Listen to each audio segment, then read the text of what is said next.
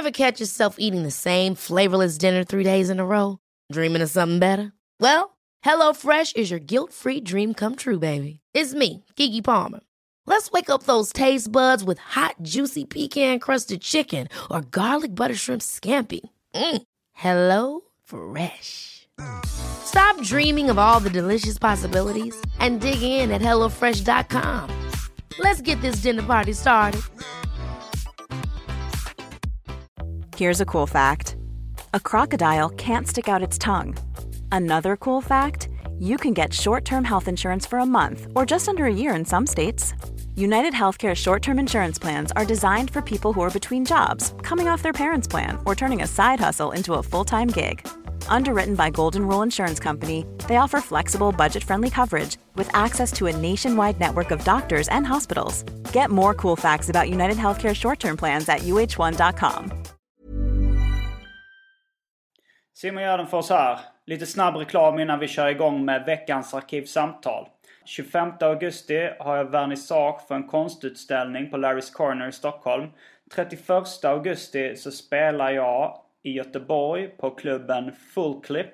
Och där kommer det även att spelas in ett liveavsnitt av Arkivsamtal där just du kan sitta i publiken. Kolla upp det här lättast på gardenfors.blogspot.com. Överst där så skriver jag alltid vad jag är aktuell med för evenemang. Ni kan också kontakta mig på Facebook. Där heter jag Simon Gärdenfors. Eller på Twitter. Där heter jag atgardenfors. Nog om mig. Nu kommer Arkivsamtal.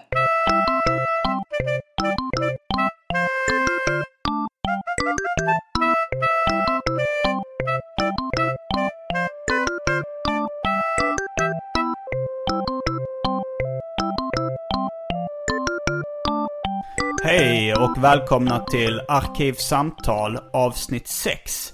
Med mig Simon Gärdenfors och min gäst för dagen är...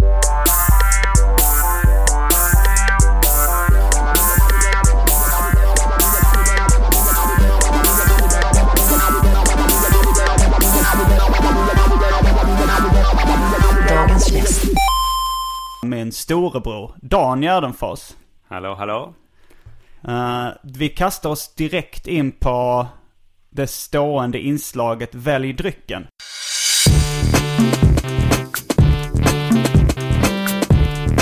Jag tror vi börjar med det fasta inslaget Välj drycken! Och just nu befinner vi oss i Degeberga, Forsakar i Skåne, där uh, brorsan hänger över sommaren. Vad är, är det, ska man kalla det sommarstuga? Ja, det kan man nog göra fast det är som ett året runt-hus som eh, farmor byggde.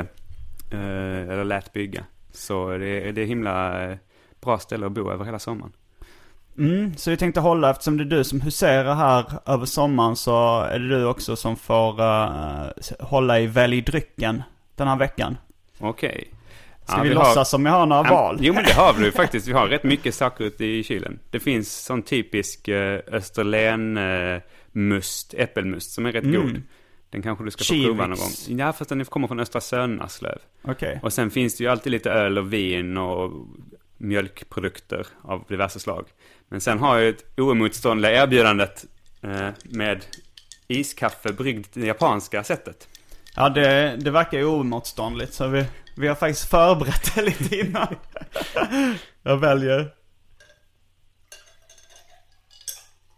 Det ni hör nu är alltså isbitar som trillar ner. Jag kommer också slänga upp eh, ett foto från den här tillredningen på gardenfors.blogspot.com. Hur är det det går till egentligen när man, när man gör iskaffe den japanska vägen? Ja, det var en kollega till mig som delade en video för någon vecka sedan. Eh, en sån riktigt fint eh, gjord eh, nördbarista-film. Där en eh, amerikan med, med skägg och glasögon eh, bryggde kaffe och snackade om fördelarna med att brygga iskaffe det japanska sättet. Och då ska man eh, göra pour-over coffee som är alltså helt vanligt eh, filterkaffe mer eller mindre. Men man ska låta kaffet träffa isbitar direkt medan det bryggs. För då behålls smaken. Så man kyler kaffet precis i bryggögonblicket. Det betyder alltså att vanligt varmt kaffe förlorar man en hel del smak på. Ja, det var det han berättade kanske fyra, fem gånger genom den filmen. Att man, man, eh, Man skulle inte brygga varmt kaffe som sen fick stå och svalna. Utan kaffet skulle svalna precis när det bryggdes. Så du ska få smaka. Det är faktiskt Jag ska eh, göra det. ordentligt gott. Tror du folk kommer höra skillnad på våra röster? Ja, jag har funderat på det. Vi träffade Eh, just vår kusin på Degebergs samlarmarknad som tyckte att vi såg exakt likadana ut. Men en av dem, en av dem hörde inte så bra. Så hon sa inte att vi lät exakt likadana. Ja, det var inte hon som sa det. Så. Eh, Men... Jag ska smaka det nu. Så får det även här bli dagens recension som också jag försöker lite slappt införa som ett stående inslag också. Men det har, det har blivit jävligt oengagerat. Men mm.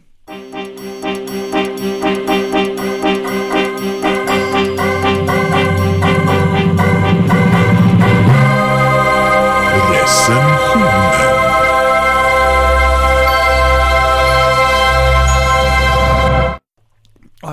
Det var, det var mycket smak, ganska mycket beska.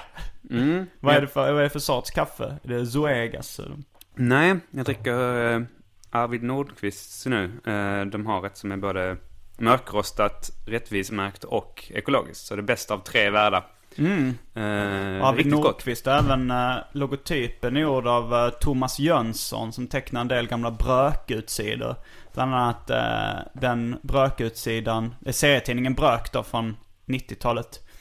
Eh, det är en väldigt snygg utsida där en eh, man skär sin egen näsa som en Mm, korv. den det är Thomas Jönsson, Toy hade han som signatur. Han har även gjort Arvid Nordqvists kaffe-logotyp. Okej. Okay. Ingen riktig likhet däremellan. Nej det är inte, men det är ändå välgjord liksom. Det, Mm. det är så.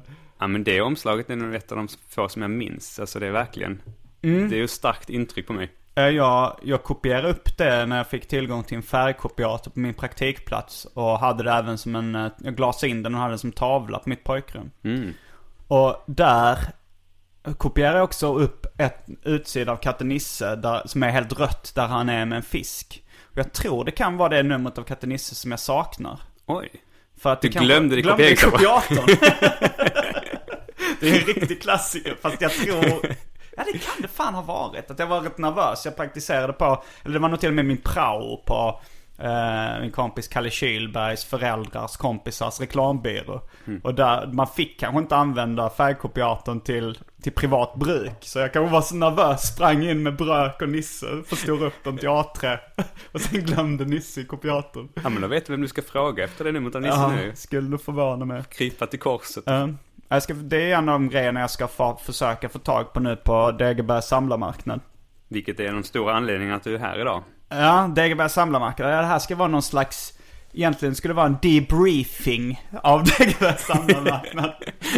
du som är i företagsvärlden, vad säger man när man ska ha ett litet möte och man går igenom typ om man varit på en mässa eller något sånt där?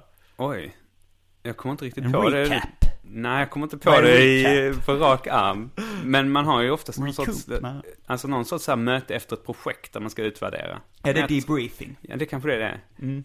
Eh, Men ofta glömmer man bort att ha det. Det är rätt, det är rätt bra att ha. Men nu, nu var det du som var så envis med att vi skulle spela in här mitt på dagen för att man skulle vara pigg. Ja, Så det krockar lite med, med idén om att man skulle ha upplevt hela marknaden först. Jag märkte ju stämningen igår. Det, man kände ingen, vi var, Degebergs samlarmarknad är alltså en slags eh, marknad för folk som samlar på olika saker. Det kan vara allt från serietidningar till vykort, till gamla förpackningar och läsketiketter, porslin. Du nämner det, de samlar på det. Eh, och igår så hade de så kallad upppackning. Det är en liten preview för de riktiga samlarna som vill ha, eh, som vill ha en grejer. pre-briefing. Pre. men, nej, men om, man, om man vill komma åt de riktiga dyrgriparna så ska man vara där kvällen innan när de packar upp. För att eh, sakerna försvinner snabbt. Katten Nisse nummer, nummer två Försvann 1991. Den var inte där. Nej, jag, har inte, jag har inte hunnit kolla igenom alla stånden ännu. Du, du var tvungen att dra iväg så vi, vi hann gå runt en timme där innan idag. Ja, men det var fint.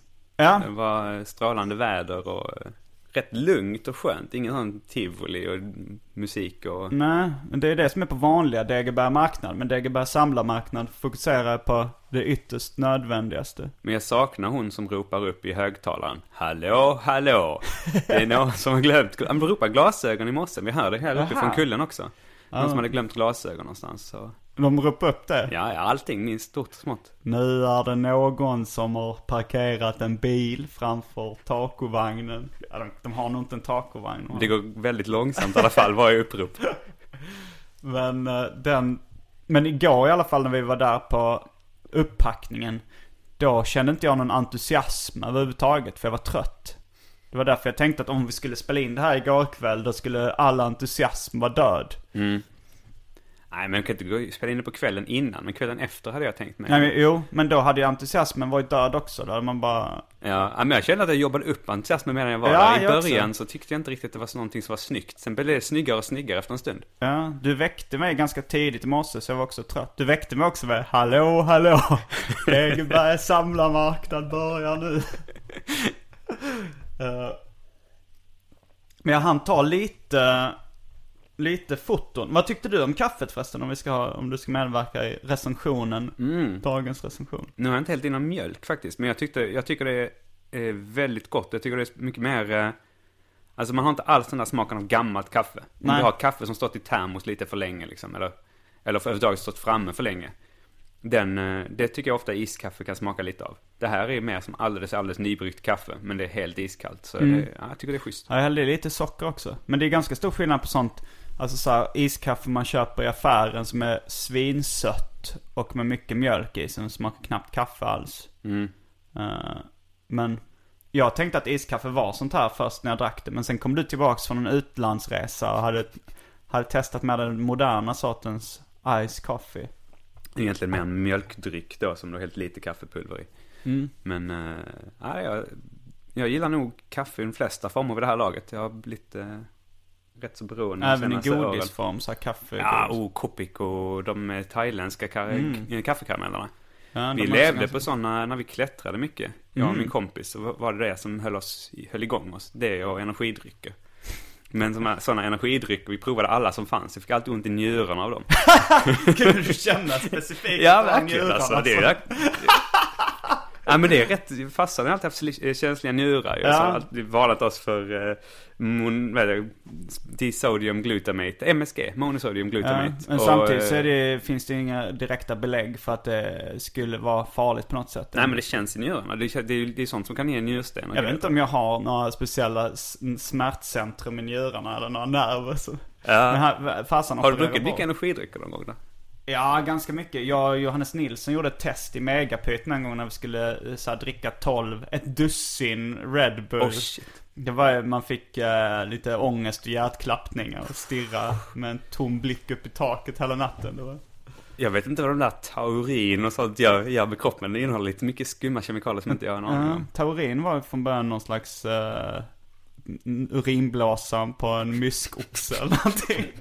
Men jag tror nu framställs det på, på kemisk väg. Vi kan kolla lite på fotona jag tog på, eller jag, jag kan, så jag kan minnas då vad det var. Jag ser här serietidningen Skjut. Från, jag tror det var 70-talet. Eh, Men sammanfattningen av vad den innehåller, den serietidningen, var ju väldigt bra. Ja, 50 sidor skjutande. Nej, 50 sidor hårt skjutande och ridande sidor. Punkt, punkt, punkt. Och här så är det hjälten som jag tror tänker De har sett mig och de vet vem jag är. Jag måste lämna, jag, jag måste lämna några spår efter mig. Och så skriker en uh, cowboy Du kan inte gömma dig längre. Den här stan den här stan, kid. Du kan inte gömma dig i den här stan längre, kid. Och nu åker du med fötterna först. Och så skjuter man. Den är från 74. Och det var även en tidning som jag hittade där som heter Krig är helvete. Uh, inringad pluton. En uh, våldsam historia med Sergeant Fury. Jag tror säkert det är samma förlag dessutom.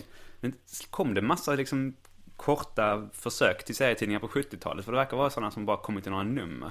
Ja men det gjorde det nog. Då var ju nog serier också ett av de populäraste medierna. Men jag tänkte just krig i helvete, att de försöker ta något moraliskt avstånd från krig samtidigt som de säljer in, alltså så att föräldrarna kan, ungen vill ha en tidning, en krigstidning och föräldrarna tycker det är okej för att det står krig är helvete på dem. Mm. Men det skulle ju vara ungefär samma sak som att man köper en film som heter Porrbranschen är, är fruktansvärd. Och sen så är det en porrfilm, för det, det är väl ändå krigsscener som folk vill njuta Finns det av. inte rätt mycket sådana dokumentärer på TV3 och TV6 och sånt som är? Jo, i och för sig. Det är, det är ju inte Det är en hel genre för sig. Jag tänkte mer på när man skulle köpa Commodore 64 och det, och det var på utsidan av, av lådan var det liksom några sorters grafer och sånt. Ja, du kan göra en kunde, kalkyl. man kan göra sina läxor på det. Jo, det var ju tyst överenskommelse mellan barnen och speltillverkarna. Att föräldrarna trodde att man skulle göra en, kalkyl och läxläsning på datorn. Men egentligen var det under, under disk så var det ryktet att det var världens bästa speldator, Commodore 64. Jag vet inte om det var världens bästa speldator då. Men...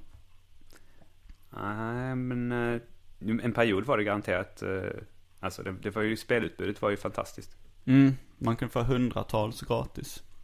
Men du får, eh, ha, du får berätta lite mer vad du tog för bilder. För det var några Ja. flera schyssta grejer. Det, det finns ju en del sådana riktigt knastertorra typer som säljer humor. Det är ju alltid kul.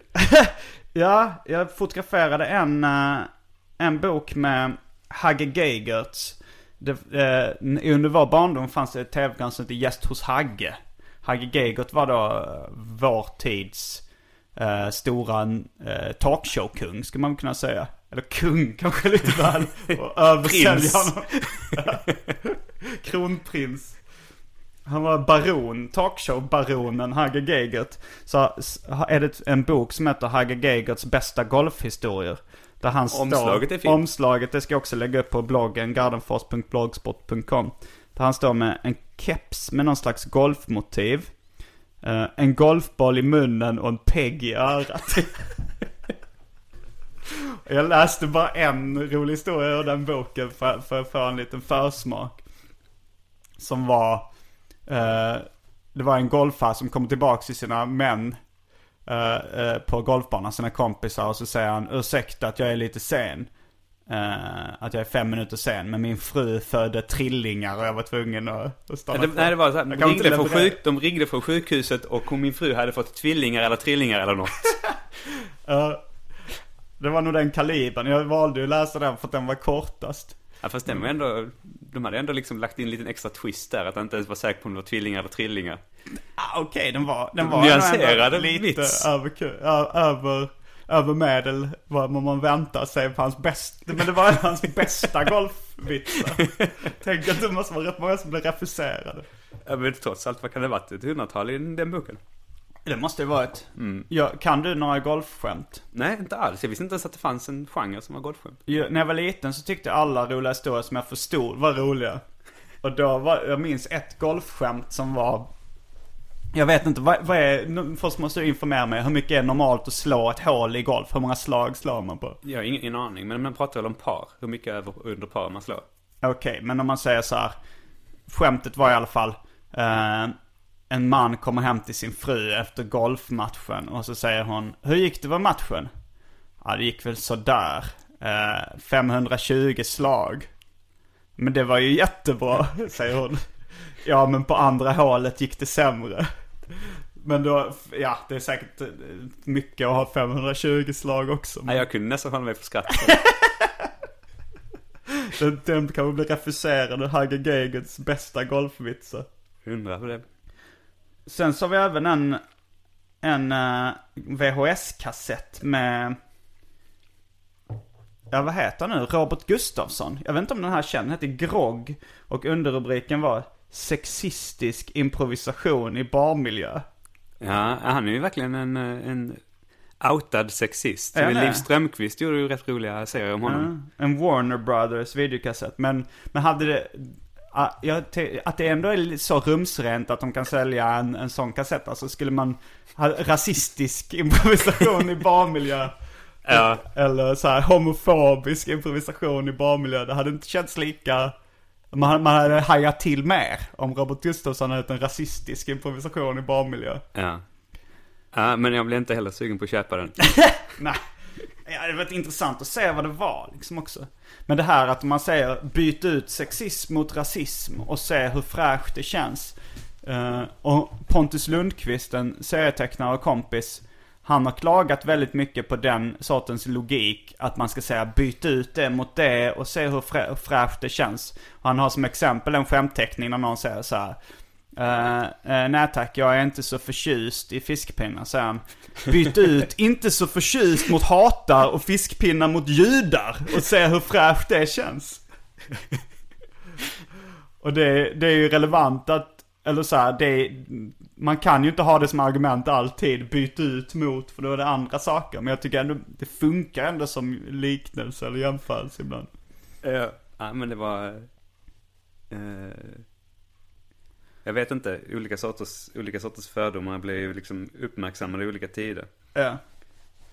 Eh, en grej som jag blev imponerad av ditt eh, öga, din bildblick var när du, du hittade, du såg en uh, tallrik var det va? Med illustrationer av, så sa du det här måste vara samma kille som illustrerat Krakel Spektakel köper en klubba. Mm, det var en vas. Okej, det var en vas. Mm. Stig Lindqvist. Stig Lindberg, jag Lindberg, kommer inte ihåg. ja. Vi, vi googlade på mobilen sen och frågade och det visade sig vara samma, samma konstnär. Men hans verk verkar vara riktiga samlarobjekt. För jag har stött på honom tidigare på marknaden. Så kanske därför jag var lite tränad. Ja men ändå, för jag jobbar ju med, med, med illustrationer och bild.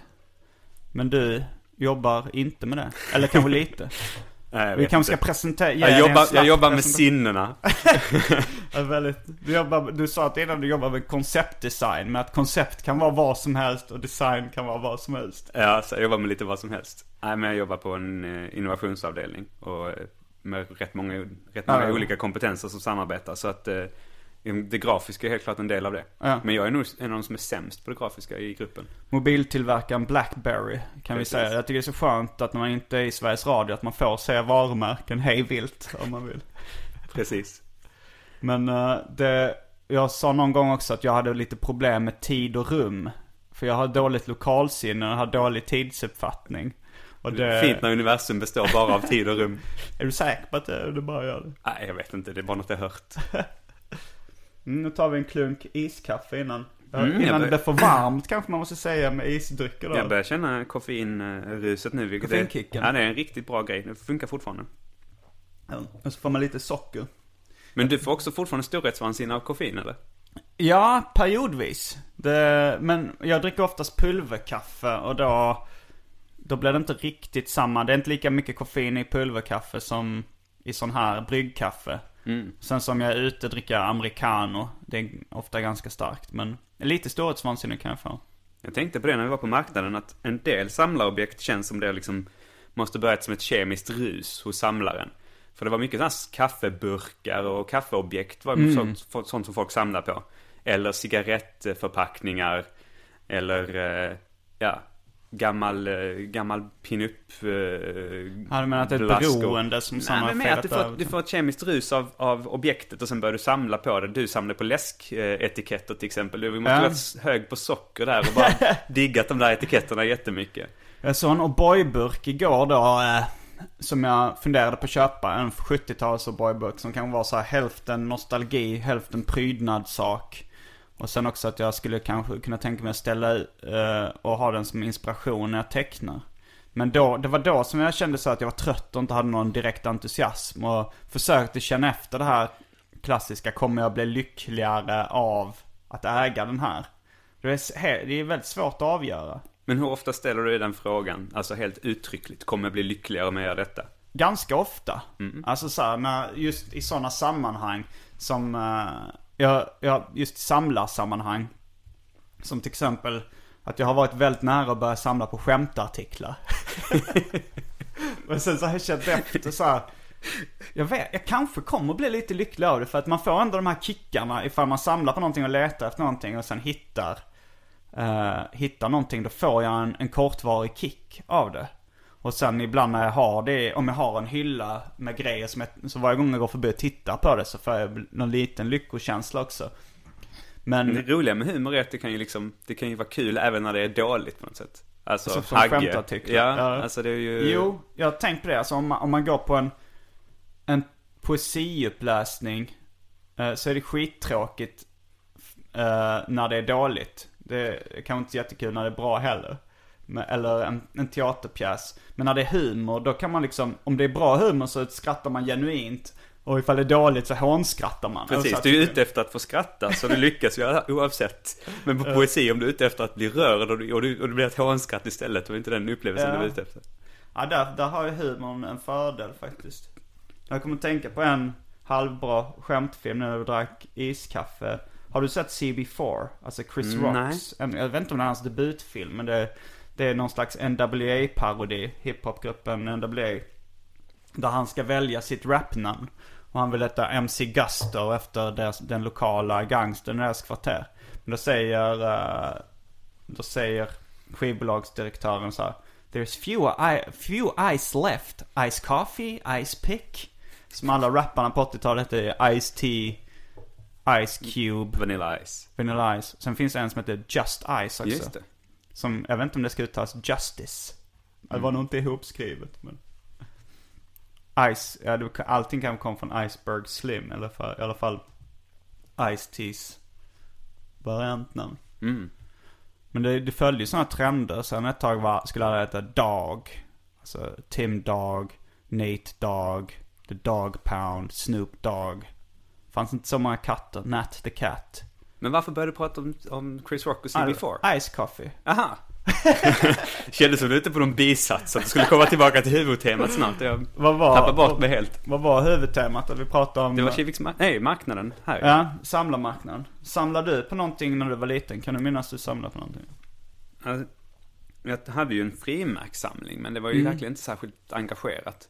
Sen Eh. samlade vi på godis i en, i en sån här säng som saknade, som hade en botten.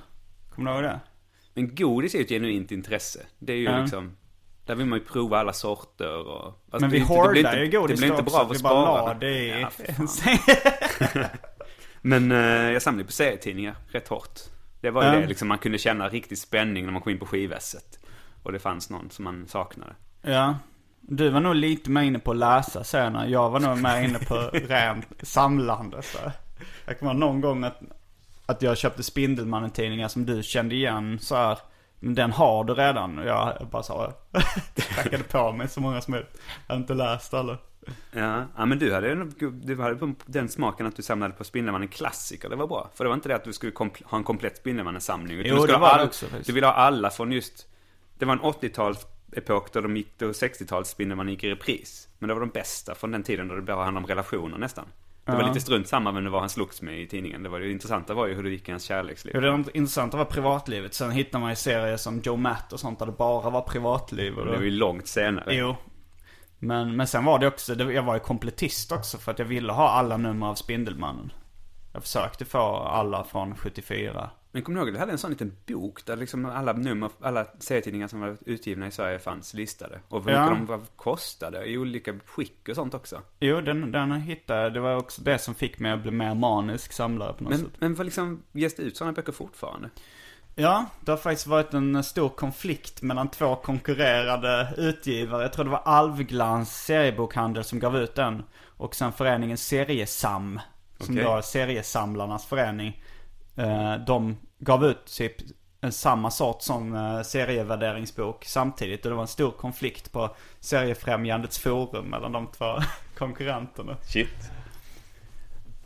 Men eh, stiger serier mycket i värde? För det känns lite grann som seriesamlarets glada dagar är över. Vi hittar inte mycket serier idag till exempel. Nej, det... Jag läste också nu med den här, någon som hade blivit skjuten på Batman-filmen. Så sa jag att så här, första numret av Batman såldes nyligen för, då var det bara typ 4000 dollar eller något sånt där. Eller, eller om det var 500 dollar, att det var, det var inte speciellt mycket. Det var väl så när man var liten tyckte man det var mycket. Mm. Jag kan tänka mig att första numret av Kalanka kanske är värt 100 000 i Sverige eller någonting. Ingen aning. Jag har ingen aning.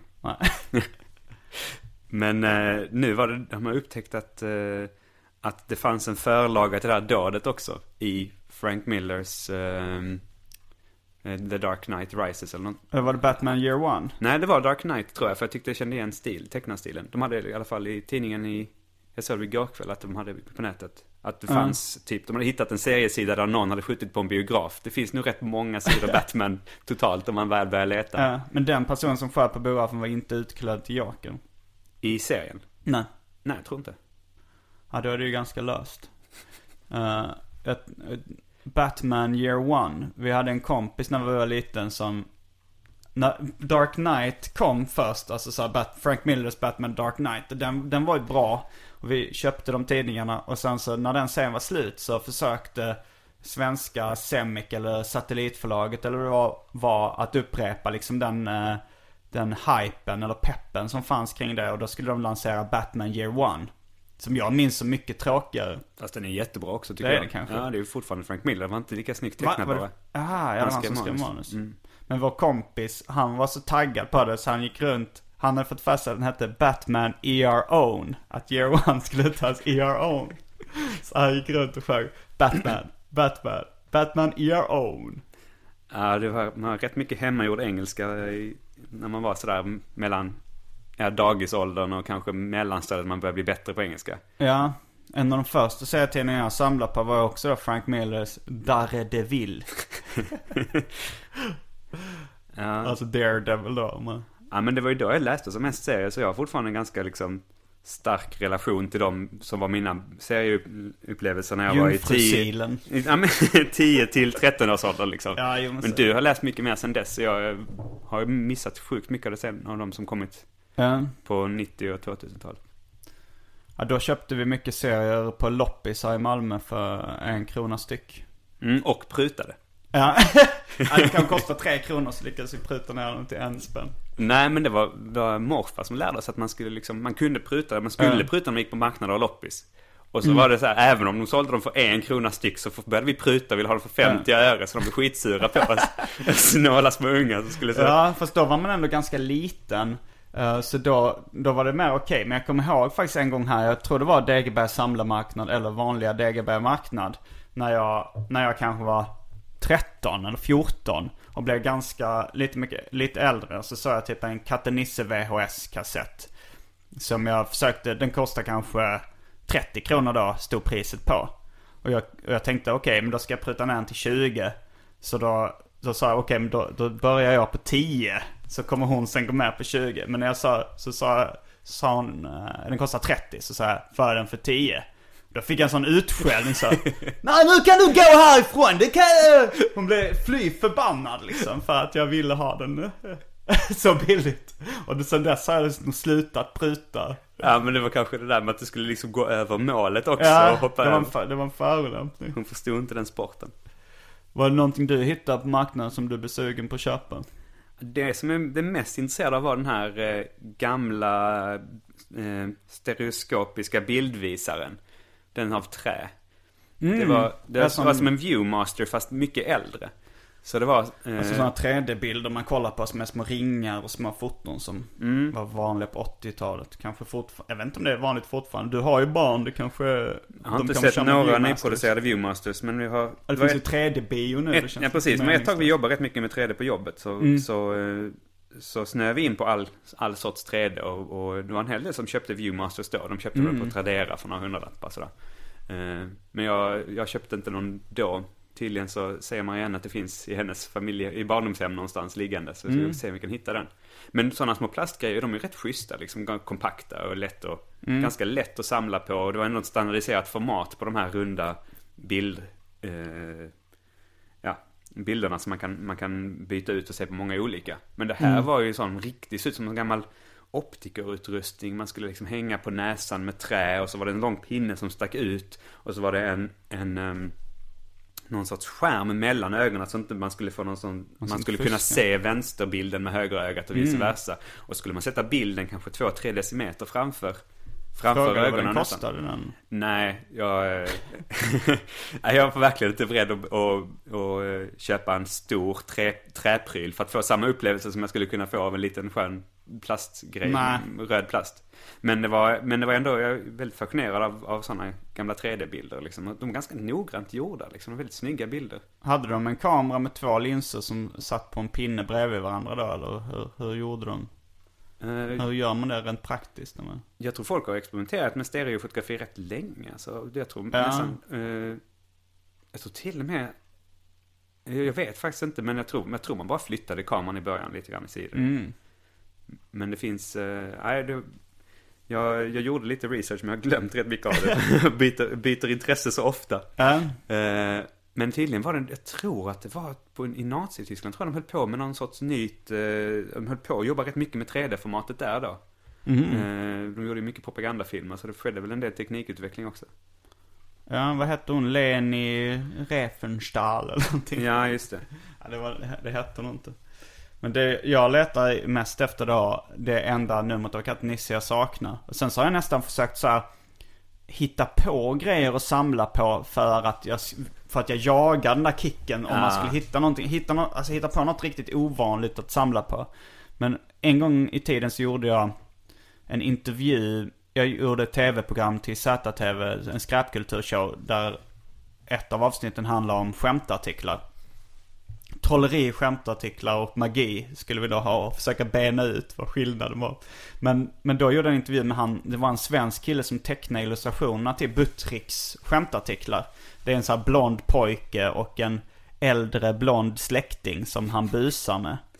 Ja, visst. Eh, och jag ringde den tecknaren. Jag fick, De använder fortfarande de bilderna va? På, på ja det gör han. Det är samma tecknare också som, och... som gör, eh, gör teckningarna. Mm. Eh, han till exempel liksom, nu så är det så här, nu ska han göra en skämtkamera så, som ska med. Då när jag ringde honom, det var ganska länge sedan, då skulle han göra en digitalkamera. Eh, för att det är ingen som har systemkameror längre så, om man ska skämta. Fast nu är de på väg tillbaks. Nu hänger de ju runt halsen på varje familjefar man ser här. Mm. Det det, är, ja, det är verkligen eh, ganska komiskt. Det är alltid liksom farsan kommer, i fami- alla familjer kommer fyra steg bakom för han ska springa runt med den här stora liksom optiken eh, med sin nya kamera. Aha. Och fixa med att ta bilder på barnen. Som eh, David Silver i Beverly Hills när han springer baklänges med en videokamera och filmar. Men i alla fall, jag tror han hette Mats Brixel eller något liknande. Mats Brixel, han som tecknar de uh, Buttricks-illustrationerna. Och då frågade jag honom vad han hade gjort för uh, illustrationer innan eller vad han har jobbat med för andra grejer. De ser så proffsiga ut. Så proffsiga så att man tror att de är amerikanska. Men uh, det enda han hade gjort var nästan illustrationer till något sommarland där han bodde. Det var inte Skara men det var, det var någonstans kanske Linköping eller vad det var. Men, eh, och sen så hade han gjort en, en gammal tecknad serie i tidningen Veckans Brott. Som jag tror att den hette Jim Slim och handlar om en agent. Eh, i, han sa att Veckans Brott var någon så här halvpornografisk serietidning som var vanligt på, på 60-talet. En- Eller det kanske var lite småsnuskiga pinup-bilder, lite true crime stories. Och sen så hade han då den serien. Vi hittar lite veckans krig och veckans eh, äventyr och lite sånt på marknaden. Men inga Ja. veckans brott. Nej, jag har aldrig sett den. Alltså ibland när jag går på antikvariat så är folk så här, ah den minns jag. Eh, men sådana säljer slut väldigt snabbt. Det är många som samlar på gammal pinup. Gammal snusk så här. Men, men det, jag, vet, jag vet inte hur kul det skulle vara att hitta, åh det är samma illustrationsstil som han som gjorde Buttricks förpackningar. Det är en väldigt konsekvent stil. Den har liksom sett ut att ha varit helt oförändrad sedan 80-talet. Ja. Och man fortfarande tecknar exakt samma stil. Det är rätt imponerande. Ja, Henrik Bromander gjorde en serie om, om Buttricks eh, tecknaren. Men då hade han, han hade inte gjort någon research inför serien. Det var ett gammalt fanzine av Bromander. Så det handlar om en, att Buttricks på Drottninggatan i Stockholm hade bjudit in den här tecknaren då, som i serien var en amerikan som hade flygit över till, till Sverige för att signera Buttricks-prylar. Så bra så det hade kunnat vara amerikanskt. Och sen, eh, sen kom, sen var då i serien att det var, han var inte så poppis så det kom bara typ tre, fyra pers och ville ha signerat. Men istället så satte de sig ner och pratade med varandra och berättade vad, om sitt livs historia. Det känns väldigt Bromander. Ja, ja, verkligen. En, en annan grej jag fotade på marknaden var, eller jag, jag, det glömde jag fota, det ska jag nog göra nu när jag kommer ner igen. Det var en smurf som såg lite skev ut, som hade en näsa, han såg inte ut som en smurfnäsa. Men det var en väldigt liten näsa. Var det? Jag för den var lite, att det var mer som en gonzo, eller så stor och böjd. Jaha. Jag minns det mer som en kokt potatis. Men då tänkte jag på ett uttryck som du nämnde igår så här, när någonting var så realist, nästan så realistiskt så att, eh, så att det blev äckligt. Ah, the uncanny valley. Okej, berätta om det. Ja, det är eh, ett begrepp som, som används mycket delvis när man bygger robotar och delvis också när man, när man eh, gör 3D-animation och så. För nu börjar man kunna göra saker och ting som ser ganska naturtrogna ut. Mm. Men, eh, men anima animationsstudios som till exempel Pixar, Mm. de gjorde eh, i början försökte de liksom eftersträva realism. De försökte göra någon bebis i någon, en av sina tidiga kortfilmer som, som, eh, som ja, lekte för vilt med leksaker så leksakerna blev rädda. Det var en föregångare till Toy Story. Men Men, Toy Story 3, de hade en sån scen i... ja, precis, en kopia av den scenen nästan. Eh, eller åtminstone en anspelning på den scenen. Men den bebisen ser riktigt obehaglig ut. För de har ändå försökt få ansiktet att se lite verkligt ut. Men den har, lider ju av alla brister som 3D-animation har. Men liksom att det är, det är inte, det är inte någon nyanserad mimik, konstiga rörelser och sånt. Så är det för nära verkligheten så blir det jäkligt obehaglig upplevelse. Ja. Då faller det i the uncanny valley. Men om man stiliserar lite till och får det liksom och, och gör det och gör det till eh, lite mindre naturtroget så kan det plötsligt börja bli liksom någonting som man kan ta, ta till sig igen. Men just med robotar och sånt så har man upptäckt att ju mer humanoida man försöker göra dem desto obehagligare blir de för folk. Jo men så är det nog. Alltså jag tänkte också innan man lärde sig att stilisera tomtar på rätt sätt. Så blev de jävligt äckliga. Sådana här tomtar som ser nästan ut som små, riktiga människor. Kan- Eh, som ser ondskefulla ut. Det kanske är det som gör folk rädda för clowner och sånt också, att de faller precis i uncanny valley kanske. En Vad betyder uncanny? Uncanny, det var väl en av de orden som användes för att eh, de hade det som, över, som en av de där, the uncanny X-Men och sånt tror Mm, jag. det kommer jag ihåg. Men vad Ja, det, betyder är, det? det är någonting De med... att- ökända? Nej. Nej, det är mer att det är otroligt eller, eller eh, alltså nästan eh, eh, övernaturligt. Eh, Jaha. lä- läskigt liksom. De övernaturliga X-männen. Ja, fast det är verkligen, det är, det är ett negativt, det är en negativ upplevelse. Ja, då så att uh, X-Men, det skulle vara negativt ord att de var Jag vet faktiskt inte, det är de konstigt. obehagliga X-männen.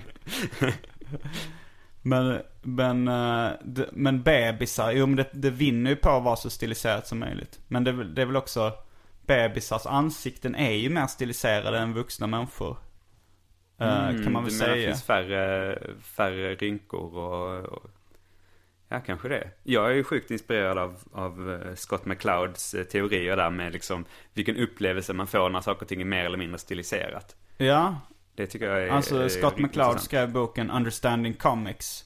Som en av eh, hans poänger var, eller en av de grejerna som återkom till att ju mer stiliserat desto mer läser man in sig själv i, i ett stiliserat ansikte. Och ju mer detaljer det är desto mer distanserar man sig från det. Mm. Och det är många, alltså tänk Tintin är ju eh, också sånt tomt ansikte där man ska kunna Ja, men just Tintin använder som ett exempel på, på den tekniken som många japanska tecknare också använder. Att, man, att hjälten är stiliserad för att man ska kunna liksom läsa in sig i honom. Men en del saker som man upplever och ser eh, kan vara väldigt eh, naturtråkigt tecknade för att man ska, man ska, de vill framhäva detaljer att man, att man själv, att det är någonting som är externt. Men det som är stiliserat uppfattas, uppfattas mer som internt. Men det är ganska kul att du fick en uncanny valley-upplevelse av en smurf. Jo men så är det ju ofta när man, när det är något känt, alltså så här, en kopia på någon, något som man, eh, som man ser som är känt. Då blir det ju så här skevt och fult. Det finns jättemånga Disney-figurer också som är kopior av dem som ser så här obehagliga ut för de är så skeva. Mm, det är faktiskt en sak som gjorde ett starkt intryck för mig, på mig, måste ha varit 80-tal också tror jag, med Lasse Åberg som samlade på kopior på Disney-figurer tror jag det var. Ja. Just, alltså han tyckte om när de var sådär en billig kopia som såg lite skev ut. skevt. Ja men det är rätt coolt. Jag börjar bli lite törstig igen. Det, det räckte bara som uppiggande med kaffe. Men ska vi ta en välj drycken del två? Kan vi göra?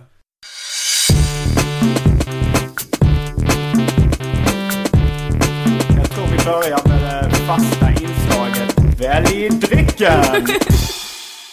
Ska jag ge dig ett val? ja. Okej. eh, något alkoholhaltigt, det finns vin och öl. Något laktoshaltigt, det finns yoghurt och mjölk. Eller en utsökt dryck från Österlen. Ja men jag tar den Äppelmust. utsökta drycken från Österlen. Okej, vi är snart tillbaks med en utsökt dryck från Österlen.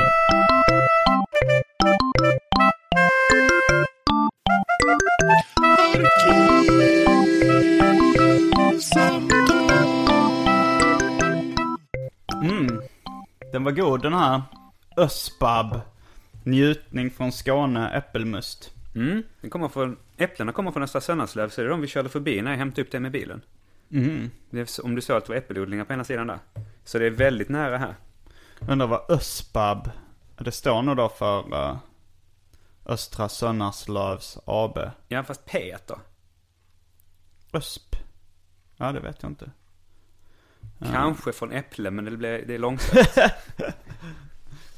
Mm, men, Men det är en ja. ganska bra idé det här. Det har kommit nyligen, så vitt jag vet, att man förvarar äppelmust i bag-in-a-box-format. För då håller sig äppelmusten mycket längre. Sån här eh, must brukar bli väldigt dålig snabbt. Om man öppnar en glasflaska så är det kanske bara 70 centiliter i eller mindre. Och så, man, så måste man dricka upp det samma dag nästan, eller dagen efter, för annars så för- förstör smaken. Men får, får, får den inte smaka plast då? Nej, det är ju, folk förvarar ju vin och sånt på det här. Det är ju, Nej, för sig. Men, eh, men det här har ingen alkoholhalt, äh, äppelmust. Det blir, det blir inte jäst på något sätt. Som Nej, jag vet inte vad som är skillnaden mellan must och juice. Det är väl lite att den är grumlig kanske eller någonting. Men den är, det är ju bara som juice, fast inte genomskinlig. Den smakar väldigt gott i alla fall. Och sen så kan man alltid blåsa upp eh, plastpåsen inuti och sova på den sen som huvudkudde efteråt. Ja, Jag kommer ihåg det när, när vi bodde i Australien när vi var små en kort tid. Och det var nog första gången jag såg Bag in the Box. Det är en australisk uppfinning tror jag. Är det Mm. Men då, då snackar vi på, på simskolan och så här, om man ser någon som har, håller på att drunkna, vad kan man kasta till dem då? Och då var det någon tjej som sa att man kan, en, en vinflaska. och, det, och simläraren tyckte det var väldigt konstigt svar, men sen förstod hon att det var en uppblåsbar då, bag-in-box och så här, som man kunde blåsa upp. Men det låter ändå lite så här, var, varför har man med den då? Då kanske man, Man dricker väl alltid vin på stranden i Australien. ja det kanske man gör.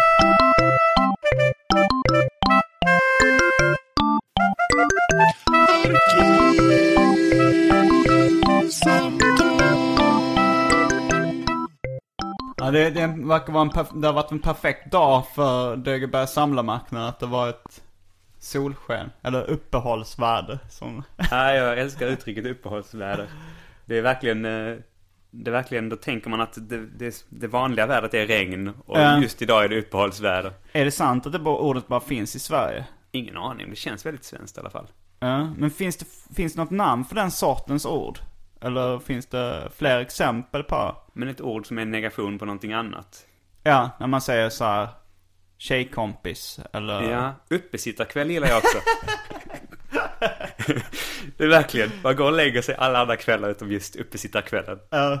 En gammal vits som handlar om en judisk mamma som, som gärna vill, som är väldigt stolt över att hennes, hennes eh, son är läkare. Mm. Så det var någonting med att han, de var inne på någon restaurang och så blev det bråk eller någonting och så, och så, och så blev det slagsmål tror jag. Och springer hon ut på gatan och ropar Help, help, my son the doctor is getting beat up. Men vad har det att göra med... även, i ett, även i ett akut eh, läge så måste hon betona att han är läkare.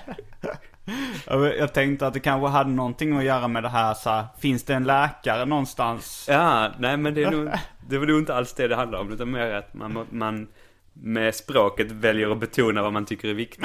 Som det du säger med tjejkompis. Säger man tjejkompis så låter det som alla andra kompisar är, är, är killar. Eller att man är, man är väldigt stolt över att man har en tjej som kompis. Man måste Ja. betona det. Min bögkompis. Mm. Det, det var, var inte din lärare någonting som hade... Det var någon som hade sagt något homofobiskt så skulle han ta dit sina bögkompisar som Jo. skulle berätta om... Han var väldigt progressiv alltså. Men det var ju folk som blev helt eh, chockerade där i Hjärup. Ja. Och direkt trodde att han var bög och nu skulle det liksom... Och nu det skulle hade varit upprörande då. skulle vi, precis. Nu ska vi instruera eleverna här i homosexuell livsstil. Uttryckt att vara bög i någon var också som man använde på skolgården. Alltså att man var kär i någon men sen om man var eh, homosexuell kärlek snackade man om att det var att vara bög i någon Oj, annan. det minns jag inte. Men eh, jag minns vår släkting Paula, hon, när hon, det är, vad är det, min mammas kusins eh, föräldrar. Nej, Ja, Hon- precis. Det är mamma, mammas moster. Ja, du vet att jag har en son som är läkare. Ja, det sa hon. Hon ma- mamma sa, ja, min kusin. Fred Allan. ja. Kusin Fred, ja Fred Allan Gordon, har du hunnit träffa honom? Han är nere i Skåne nu. Nej, jag har tyvärr missat honom. Det var jättelänge sedan jag träffade honom sist. Jag tänkte spela in en podcast med honom också. eh, men sen kom jag på att nog, för att det hade nog varit det, alltså min imitation av honom som då är samma som en Sven Melander imitation. Den är nog roligare än, än om jag skulle spela in honom och göra en lång direkt. intervju. Då hade det nog varit en besvikelse. Men det var någon som skrev till mig så att, för jag sa så här att eh, jag skulle ner till Skåne nu och eh, då frågade eh, Maja eller vem det var om jag skulle bo hemma hos min mamma. Så sa jag att nej hon har, hon har eh, hyrt ut eller lånat ut lägenheten till sin, vår släkting Fred Allan Gordon. Och då sa jag, jag vill spela in en podcast med Fred Allan Gordon men jag vet inte om det kommer bli av. Och det var någon som skrev in så här, jag ser fram emot podcast med Fred Allan Gordon. Jag tror nog bara det var namnet då som... eh, Ja, han är en skön kille. Ja, han, han snackar exakt som Sven Melander, kom jag på när jag började imitera honom. Du är väldigt förtjust i din imitationen. Ja men det, jag känner Jag hör den nästan varje gång vi träffas.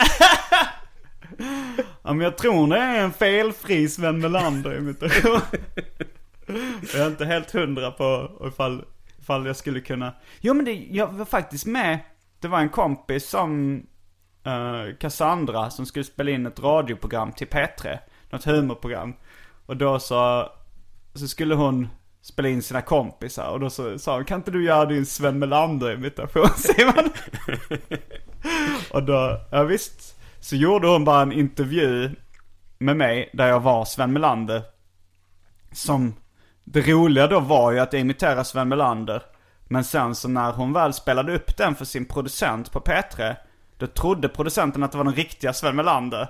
Och fattade inte varför gör du en, en intervju med Sven Melander i ett humorprogram som bara var så här. det var, det, var- när vi kom på det, det var ju inget speciellt kul. Hon frågade eller, eller jag sa. Så det enda som var roligt var att imitera. Ja. Men det är väl ganska många ita- imitationer som går ut på det. Åh fy fan vad likt det var Göran Persson eller eh, fan vad likt det var Mundebo.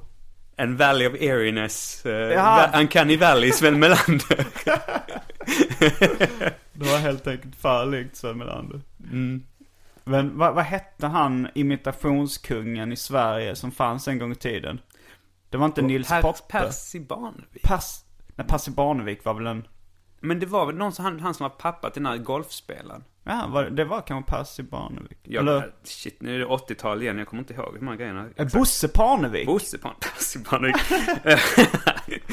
ja, Men, eh, så går det när man inte googlar allting man ser.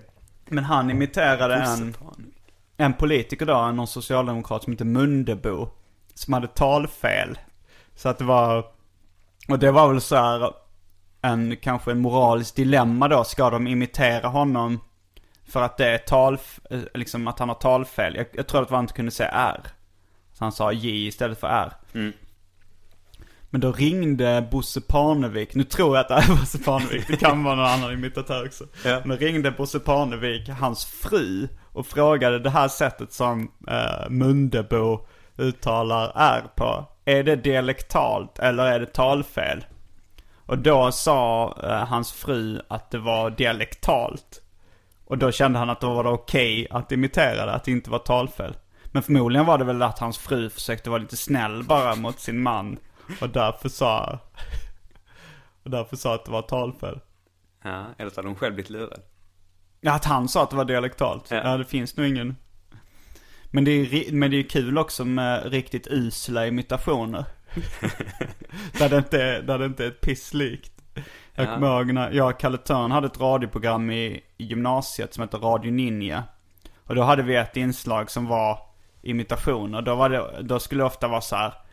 Till exempel vi hade en, eh, en imitation av Samantha Fox.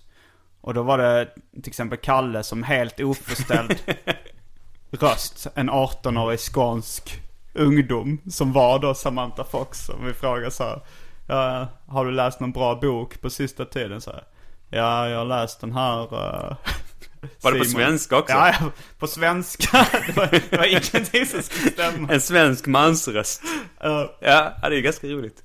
jo, det blev, det var, jag vet inte om jag skulle säga att det var ett uppskattat inslag. Vi hade, Men var det någon annan skämt än bara själva imitationen då? Eller var det Nej. imitationen i sig själv som var skämtet? Alltså jag, jag minns bara en gång, det var just Samantha Fox. Och då var det så här att eh, det var, hon kanske hade läst Loranga och Massarin eller någon bok. Men det var så här, det var bara så här, nu kommer en intervju Fox. Och så frågade har du läst någon bra bok på sista tiden? Och så sa Kalle, ja jag har läst Lorang och Massarin. Och sen så började han skratta så mycket så det var liksom bara en halv, det var direktsänd radio så. Ja, direktsända bloopers. Så han började skratta så mycket och sen, sen hade vi då en, det, var, det, var, det här var innan internet var populärt. Eller vi hade en gång en, eh, en hemsida som var, som var så lång. Det var en så här http kolon slash slash angelfire. så det var helt omöjligt att skriva upp den.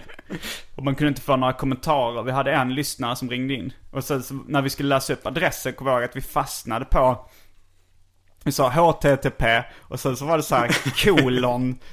Det visste vi inte. Jag läste upp kolon men Kalle var så här osäker på, är det kolon? Eller kan det vara semikolon? Så sa, så sa jag, nej det är nog kolon. Så sa han, jag kommer tänka på Semic Press som gav ut Mad en gång i tiden. Och då hann man liksom bara till HTTP, vi hann inte ens till kolon innan man började komma in på ett sidospår. Men det var ju som sagt, man kunde inte få så mycket kommentarer på programmet. Det var, vi hade en, en man kunde ringa in. Det var alltid samma skånska gubbe som ringde in och tyckte, spela en låt med Lena Philipsson. Gjorde ni det en gång? Ja det gjorde vi till slut. För jag, eh, Rebecca, vår lilla syster hade en, en skiva med Lena Philipsson, Blue Jeans eller vad den hette. Mm. Uh, jag kommer inte ihåg vad A-sidan, jag tror B-sidan hette Blue Jeans och A-sidan hette något annat. Men uh, han blev väldigt glad då och, och sa, ja det enda radiokanalen man fortfarande kan ringa in och önska en låt med Lena Philipsson. Eller få den spelad. Men det var Radio AF i Lund va? Ja, det var de som höll i vi satt ju inte i AF och sände. Vi satt, jag tror den radiostudion ägdes av Pingstkyrkan eller något sånt där. Mm. Men jag tror även han ringde in och klagade på en, en sketch jag hade, jag hade gjort i där, uh, där jag låtsades vara rullstolsbunden. Och, och i stort sett bara beskrev det, den blev kanske, det, det, roliga var väl att den var lite över gränsen den vitsen. När jag beskrev mitt, mitt liv som rullstolsbunden och berättade att jag skulle uppskatta tiden som, som icke-förlamad mycket, mycket mer ifall jag hade vetat att jag skulle hamna i rullstol. Men då, och, och sa jag en sån enkel grej som att kunna gå till affären och kunna köpa en liter mjölk. Det var, Sen var det ridå på det skämtet. det var alltså ett skämt? Ja, det var en sketch. vi, vi, vi var ganska ny, mycket nybörjare som humorister. Så man testar ju ganska, det var ju testa nytt material hela tiden. Men då ringde han också in och sa, jag tyckte inte den var rolig, den sketchen. uh, lyssnade du på Radio Ninja på den tiden? Jag gjorde det några gånger, det minns jag. Jag mm. tyckte ni var proffsiga, men det var ju hade inte satt ribban så högt där. Ja, jag hitt, det enda jag hittade, jag hittade ett kassettband som vi spelat in som var uh, ett avsnitt som handlade om diskret konsumtion. nu får du förklara vad det är för någonting. Ja, det var nog uh, ett fanzine jag hade köpt, eller hade hört talas om, som var Inconspicuous Consumption. Just det. Och jag, uh, som Paul Lucas gjorde ett fanzine som heter Bear Frame, där han recenserade olika produkter som han tyckte var roliga. Och sen försökte jag nog slå upp vad inconspicuous var och det närmaste kom var diskret. Men det blev nog lite fel översättning. Men uh, diskret konsumtion, det, ja, det, det, var nog det avsnittet vi hade lagt ner mest tid på att förbereda. Det var handlar om allt som man konsumerar diskret? Ja, och eller, dels saker som man var köpt, man var diskret med det man köpte. Dels som man, uh, men sen blev det nog rätt mycket som det här den här podcasten. Att man bara snöade in på sidospår och pratade om vad fan som helst. Och sen så hade vi, en, en, vi hade musik då också, någon DJ som, som spelade skivor.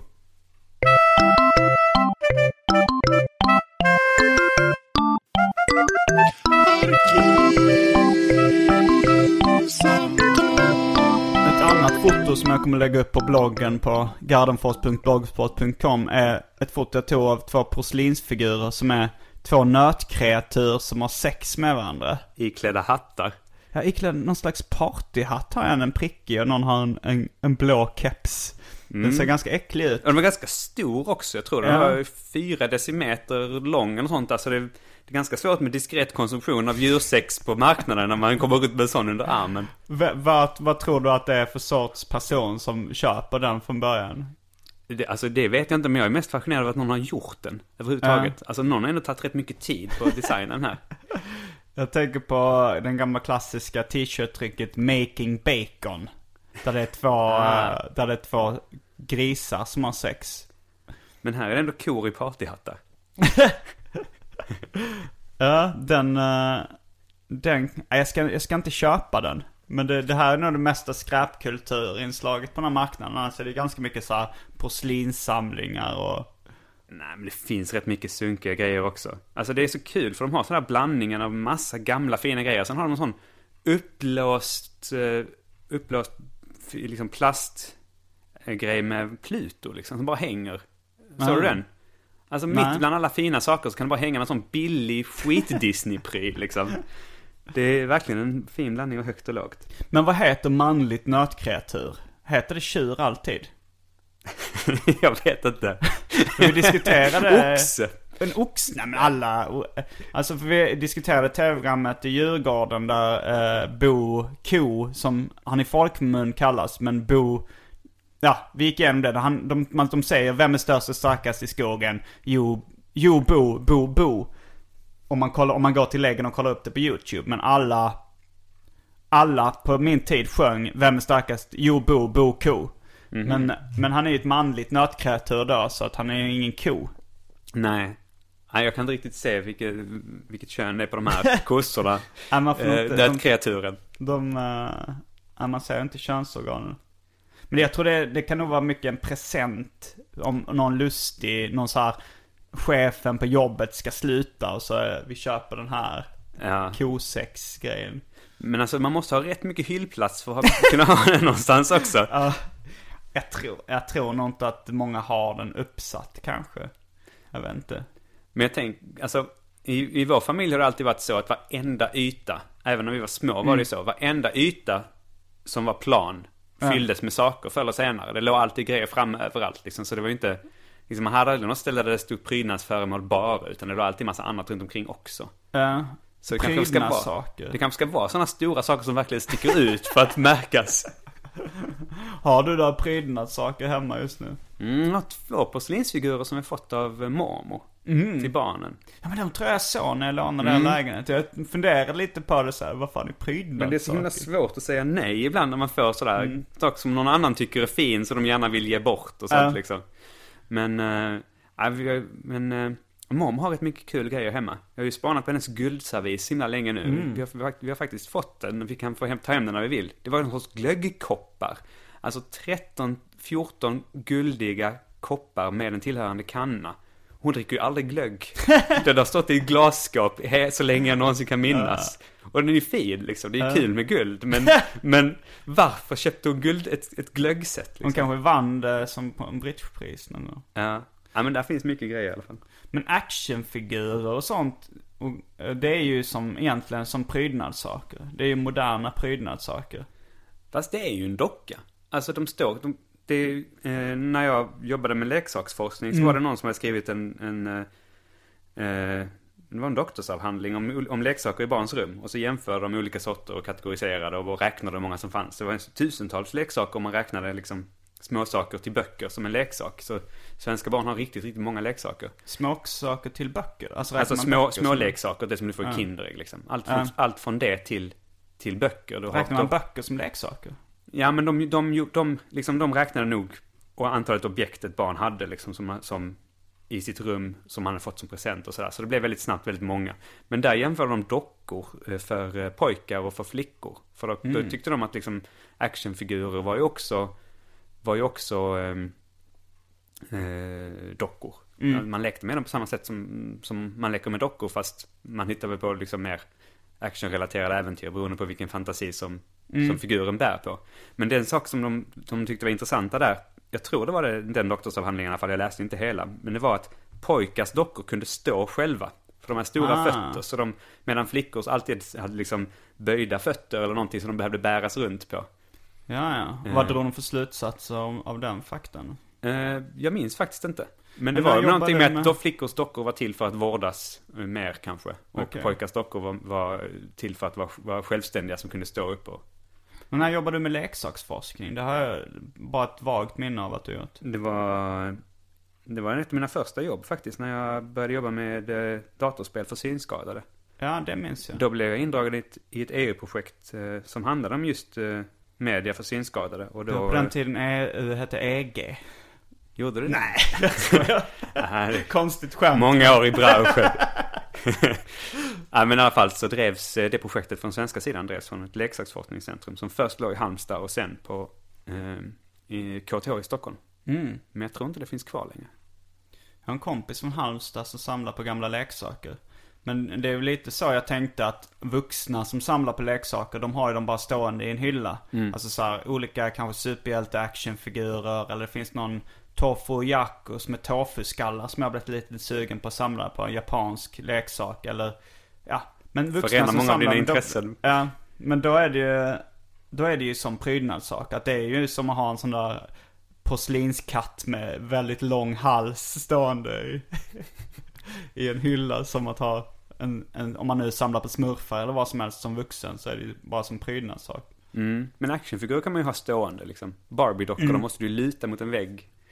De kan inte stå av sig själv. Vad, Bratz då? Jag vet faktiskt inte. De har så stora huvuden som de Vippar över. Men, eh, men jag tror rätt mycket, rätt mycket leksaker eh, görs ju för att vara samlarobjekt. Rätt mycket för killar. Jag funderar på Mm. eh, all, alltså alla sådana små plastfigurer och sånt. Det, det har ju folk stående liksom runt sina, på sina arbetsplatser, runt sina skärmar. Och, åtminstone mycket i designbranschen. Eh, alltså lite vad som helst. Men jag, jag, en sak som gjorde att jag drogs till mitt nuvarande jobb var att jag såg att folk hade bilder på Powerpuff Girls runt eh, sina Ah. skärmar. Och, ja, mycket sådana små japanska figurer. För de samarbetar mycket med Korea, koreanska bolag som åkte över till Asien och köpte grejer där. Mm. Ja, Powerpuff är amerikanskt måste ju tillägga. Det är många som tror att det är japanskt för att det har lite sån kawaii-style på sig men... Mm. Men sen kom det ut i en, i en japansk eh, version Ja, också. en skitful. Ja. Eh, mer eh, anime-manga.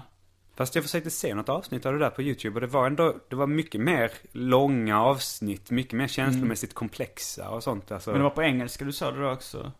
Jag vet faktiskt inte om Jag det har var sett lite på eller- YouTube också men det är inte alls speciellt kul. Men eh, jag ska låna, det har kommit ut någon sån här 10-årsjubileumbox med Powerpuff Girls. eh, som Agro har som jag ska låna av honom. Där det är så här massor av timmars extra material som är behind the scenes och sådär. Där kommer de nog gå igenom allt. Den lånar jag av dig också. Eh, Jag, där slutade de verkligen när de var på topp. Jag tycker inte de, de liksom, han aldrig bara lämna över det till, till folk som bara lät det löpa i massa år och liksom bli urvattnat. Det kanske, fin- det kanske är det som har hänt nu fast med den japanska versionen. Ja, kanske. Att den kanske men till exempel Dexter's Lab var ju fantastiskt i början. Men nu för tiden är det inte så himla roligt. Men finns det fortfarande? Ja, kan, men åtminstone de nyare avsnitten var inte alls lika välgjorda som de tidiga. Med Jen. Tartakovsky och Craig McCracken. Mm. Jag har inte sett alla, jag har inte sett så mycket. Jag har sett mer Powerpuff Girls än, än Dexters laboratorium. Ja, de är mycket mer, eh, alltså stilmässigt medvetna också. Färg, bara färgkombinationerna i miljöerna där är helt fantastiska. Ja, det beror på lite, de har, brukar ha art director som jobbar på varje avsnitt också. Så om det är en bra art director så jobbar de ju mycket med färgerna. Men eh, nu, så jag, det senaste jag såg av Craig McCracken var eh, Foster's Home for Imaginary Friends. Det tyckte jag var inte snyggt eller kul. Och då hade de gått över från eh, handmålade cellanimation till vektor, datoranimerad vektorgrafik som var skitfult. Vilket jag, mm, och den största invändningen när vi igår kollade lite på nya då My Little Pony, Friendship is Magic. Det var ganska snyggt, det såg ganska mycket ut som eh, Dexters laboratorium eller Powerpuff Girls i vissa moment. Men, men det var just den här eh, vektorgrafik, i, känd från Adobe Illustrator. Men det känns som det var rätt mycket samma folk bakom. Ja det var det ju. Men det, det finns riktigt mycket bra småfilmer av dem också. Som eh, framförallt i, i tidigare Dexter-avsnitt så kom det en sån pausfilm mitt emellan två Mm. avsnitt med Dexter. Som var Dial M for Monkey och allt möjligt sådana små historier som de hittar på. Ah. De lekte rätt, rätt mycket med superhjältsgenren där. Eh, De är oftast riktigt bra också. Ju kortare avsnitt desto bättre ofta. Det var allt från Arkivsamtal den här veckan. Jag heter Simon Gärdenfors. Jag heter Dan Gärdenfors. Fullbordat samtal.